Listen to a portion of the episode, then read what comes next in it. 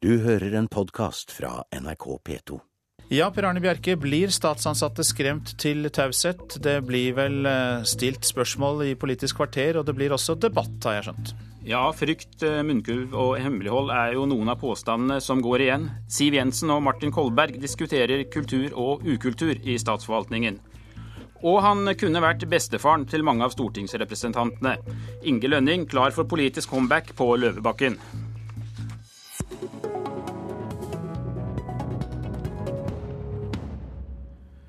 Som vi har hørt i flere reportasjer de siste dagene, så mener ansatte i offentlige etater at det er vanskelig å varsle om svikt i sikkerhetsrutinene.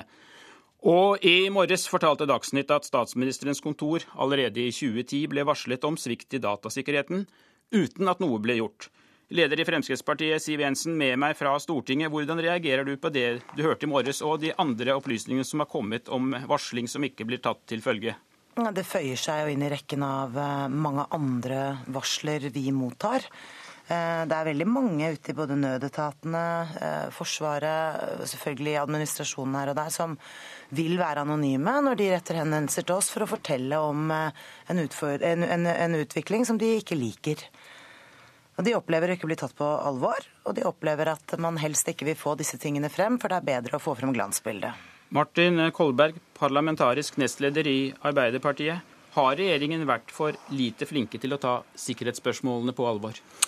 Jeg vil svare nei på det. Eh, fordi eh, det tilfellet som programlederen nevner her i starten, eh, der er det ikke riktig at ikke saken ble tatt på alvor. Det var tvert imot flere møter eller i hvert fall minst ett skikkelig møte mellom statsministerens kontor og Fornyingsdepartementet, hvor også den eh, varsleren var til stede, og det ble enighet om hvordan man skal håndtere det. Hun opplevde det jo ikke slik når vi hørte henne i morges? Nei, jeg registrerer det, og det tar jeg veldig på alvor. fordi uh, da er vi over på det mer uh, prinsipielle, og det er det å si at regjeringen og Arbeiderpartiet er jo absolutt interessert i full åpenhet om det som ikke er bra. Eh, det som ikke er bra, må komme frem på en ordentlig måte, og det må håndteres med alvor og seriøsitet. Og så ligger det antageligvis litt innebygd, ikke bare litt, men noen ganger innebygd i våre systemer at de forsvarer seg. Det ser vi fra mange av eh, samfunnets forskjellige institusjoner. Men det betyr ikke at eh, det ikke nå skal tas på alvor, og det har vært gjort hele tiden. Og vi håndterer dette helt fortløpende. Men hun som varslet sier altså at hun ble fratatt arbeidsoppgaver. Og hva sier dette om kulturen i forvaltningen? Siv Jensen først. Jeg hører hva Martin Kolberg sier, og han sier at det å bli tatt på alvor, det handler om å ha minst ett møte. Jeg er uenig i det. Dette handler ikke om å ha møter, det handler om å iverksette tiltak. Det handler om handling. Det handler om å endre en kultur. Det handler om å ta de tingene som man varsler om så mye på alvor at det blir gjort endringer. Og Da hjelper det ikke bare å sitte og ha møte med de som varsler, da hjelper det med handling og tiltak. Og jeg lurer på når Arbeiderpartiet har tenkt å begynne med det. Martin Kolberg. Ja, Når det gjelder dette problemet generelt, så vil jeg bare si at selvsagt er det ikke slik at eh, dette handler om å ha et møte. Jeg bare nevnte det som et eksempel, Siv Jensen, slik at det bør ikke være noe springbrett for noe angrep på oss på det punktet. Men det som er å si, det er at det som ikke skal forsvares, skal ikke forsvares. Det som er galt, det skal håndteres. Og det er Arbeiderpartiet og regjeringens absolutte linje i disse sakene. Og det er ikke slik at vi står for noe lukket kultur. Absolutt ikke. Og jeg vil oppfordre alle som har saklige ting å komme med, som kritikk i forhold til sikkerhet eller andre forhold, til å stå frem. Og jeg kan love dem skikkelig og ordentlig behandling. Det er det som er Arbeiderpartiets og regjeringens linje jo, i dette men, eh, spørsmålet. Kolberg, jeg spørre deg, Det er jo slik at eh, flere føler at det er vanskelig å stå frem. og Har dere ikke da et problem, enten nå da er embetsverket eller politikerne som stopper disse varslerne? Ja, jeg har veldig vanskelig for å tro at politikerne stopper dette. Og jeg har, det er eksempler på at embetsverk eh, kan gjøre det og har gjort det. Misforstått lojalitet mot politikerne? Ja, eller mot systemet, eh, som det blir sagt. Og jeg tror det siste er like sterkt som eh, lojaliteten mot politikerne. Og dette er ikke noe som vi har noen annen holdning til enn alle andre. Vi mener at er behov for å kritisere noe internt i forvaltningen, eller i andre deler av vårt offentlige liv, så skal det komme frem. Det vil gjøre grunnlaget for å håndtere situasjonen bedre, og det vil gjøre grunnlaget for politiske beslutninger bedre. Siv Jensen, i Stortinget forrige uke så snakket du om en munnkurvkultur. I hvilken grad føler du at det nå brukes energi på å tildekke faktiske forhold? Jeg syns vi får mange eksempler på det, og saken dere har på nyhetene i dag viser jo nettopp det. Her varsler man. Eh, eh, det blir ikke tatt på alvor, det skjer ingenting. Så jeg syns jo ut fra Martin Kolbergs uttalelser at det ikke er spor av selvransakelse her i det hele tatt. La meg ta et annet eksempel, nemlig Forsvaret. Det er jo sånn at Stortinget er helt avhengig av å få forsvarsfaglige vurderinger når vi skal ta en endelig beslutning om hvor, hvordan Forsvaret skal utvikle seg. Men de forsvarsfaglige rådene får ikke vi lenger, fordi alt handler nå om forsvarspolitikk. Og Går du ut og snakker med folk som er ansatt i Forsvaret, så, og spør de om noen vurderinger eh, på hvordan utviklingen er, så sier de det kan jeg ikke gå inn i, for dette er jo politikk. Det er jo ikke sant, det er ikke politikk. Det er å gi en forsvarsfaglig vurdering av om utviklingen går i rett eller gal retning. Og det er det blitt en slutt på de siste årene, og det mener jeg underbygger at det har vært en utvikling hvor man ikke vil at folk som er ansatt ute i etatene skal si sin hjertens mening. Det man skal si, er Arbeiderpartiets mening. Kolberg? Ja, jeg vil eh, benytte anledningen til å avlive ethvert angrep eh, på oss når det gjelder at vi ikke står for en åpenhetskultur, slik som Siv Jensen gjør her. Og jeg vil understreke nødvendigheten av at alle i politikken representerer en åpenhet og en seriøsitet i forhold til hva som foregår i forvaltningen.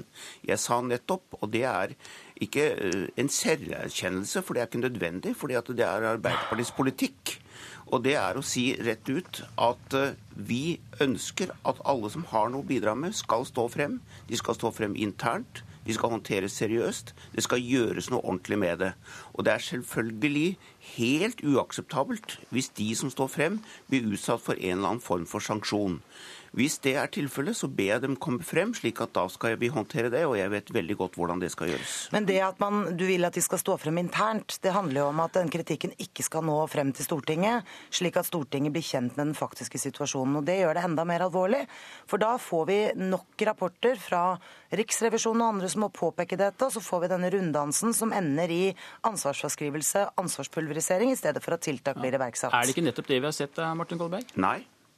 Eh, jeg skal ikke kommentere det enkelte tilfellet, men jeg, det, det, jeg vil si, det er at det Siv Jensen sier nå, er å vri konsekvent på det jeg sier.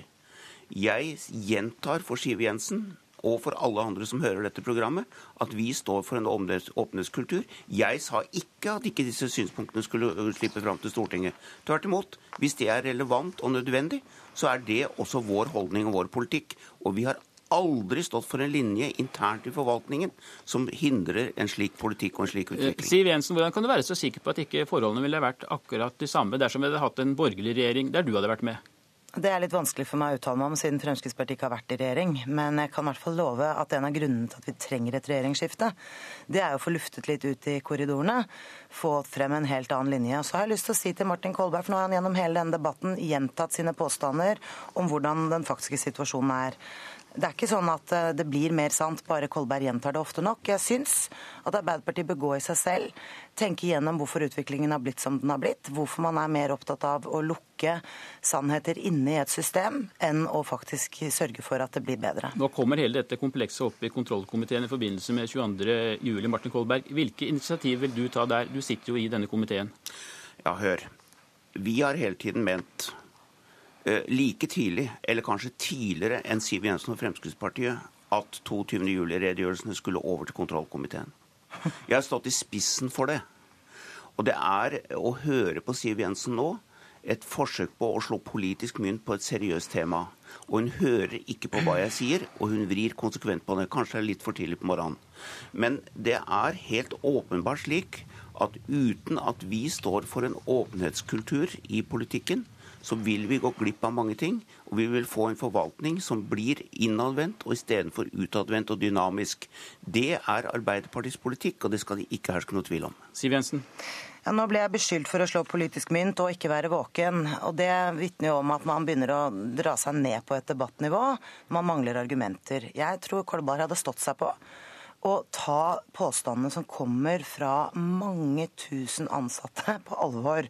Når polititjenestemenn, brannfolk, folk i helsevesenet, folk i Forsvaret, folk i, i statsforvaltningen gir uttrykk for at ting ikke er som det bør være, at kritikk ikke kommer frem, og kanskje enda verre, at kritikk som blir fremført, ikke får konsekvenser. Og Da syns jeg at man skal gå med alvor inn i det, fremfor å komme med sånn type billig retorikk. Takk skal dere ha, Siv Jensen og Martin Kolberg. Noen toner fra Bob Dylan og Forever Young, og det spiller jeg til ære for deg, Inge Lønning. For i en alder av 74 år håper du å vende tilbake til Stortinget. I dag kommer nominasjonskomiteen i Hordaland Høyre med sitt listeforslag, og du ligger an til en sikker plass foran valget i 2013. Er du klar for comeback? Jeg er klar og har vært eh, klar lenge for min del. Du satt jo på Stortinget i tre perioder innvalgt fra Oslo, men eh, foran forrige valg så ble du vraket mot din vilje. Så har du sagt at det er en forfremmelse dersom du nå blir nominert fra Hordaland. Er dette den velkjente bergenske patriotismen som slår igjennom? Ja, det er det jo selvfølgelig. Altså Dette med nominasjonen forrige gang, det er jo en del av systemet. Det er som det skal være, det at det er kamp om, om plassene. Men øh, det kom jo overraskende på meg da jeg fikk spørsmål om jeg kunne tenke meg å stille opp fra Hordaland. Men jeg opplevde jo det på en måte som å komme hjem, for jeg har jo alle røttene mine der. Slektsrøttene han har sagt tilbake til Adam og Eva. De øh, ligger i Hordaland fylke. Du kunne jo nå ha nytt noen eh, rolige pensjonistår etter et langt arbeidsliv. Hva er det egentlig som driver deg? Nei, det er vel appetitten. Har vel alltid hatt den oppfatning at uh, det samfunnet du, du, er en del av og nyter godt av å leve i. Eh, det norske samfunnet er jo ufattelig godt. Eh, det har du en forpliktelse overfor. Og hvis noen synes at du skal gjøre en jobb, så, så skal du ikke si nei til det hvis du har helsa og er i stand til å gjøre jobben. I USA så slåss en 65-åring for å overta verdens mektigste embete, mens vi her i landet jo har hatt en tendens til å betrakte folk i samme aldersgruppe som utgått på dato. Hvorfor er vi ikke flinkere til å bruke de eldre, tror du? Nei, Det er en lang utvikling som gjør at samfunnet er blitt tyngre og tyngre på midten og lettere og lettere i kantene. Altså at mer og mer av makt og innflytelse samles opp i eh, den aldersmessige midtgruppen. Til fortrengsel for de helt unge og de godt voksne. Og eh, hvis det at jeg eh, er villig til å stille opp, kan bidra til å snu litt på den trenden, så er jo bare det en gevinst. Nå kommer jo du da etter all sannsynlighet inn på Stortinget igjen, og da vil du være 75 år. og Så ser vi det at levealderen den øker for hvert eneste år. Hvordan vil dette gjenspeile seg i nominasjonsprosessen som nå jo er i gang i samtlige partier? Langtidstrenden i norsk politikk har jo vært det at mens gjennomsnittsalderen blant velgerne går oppover, så går gjennomsnittsalderen blant de folkevalgte nedover. Og det er det jo noe naturstridig eh, ved. Ehm, og I tillegg til det så er det jo også sånn at all valgforskning viser at det er jo den eldste gruppen som er de flinkeste til å bruke stemmeretten sin. Eh, det er de som er virkelig trofaste og som, som ønsker å delta. Og Da er det jo urimelig at, at, ikke den gruppen skal være synlig til stede i nasjonalforsamlingen. Ja, for Gjennomsnittsalderen i Stortinget det Stortinget ble valgt nå, var da i 2009, i, i begynnelsen av denne perioden, den var 46 år, så vidt jeg husker i farten. og det er, det er også veldig mange som er helt unge. Er det for mange unge broilere i politikken uten yrkeserfaring, slik du ser det? Altså Generelt vil jeg ikke si at det er for mange unge, men, men vi har jo sett en tendens til at politikk er i ferd med å bli et yrke. At, at, det blir en profesjon som man, kult, altså man, man, man, dyrkes på en måte inn i den profesjonen fra ganske tidlig av.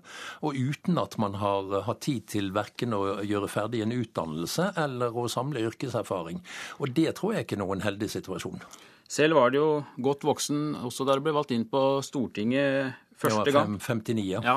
Eh, og hva har din lange yrkeserfaring hatt å si for din innsats som politiker? Nei, altså jeg tror jo erfaring generelt, både yrkeserfaring og livserfaring i sin alminnelighet, er den mest undervurderte eh, ressurs i, i, dagens norske samfunn.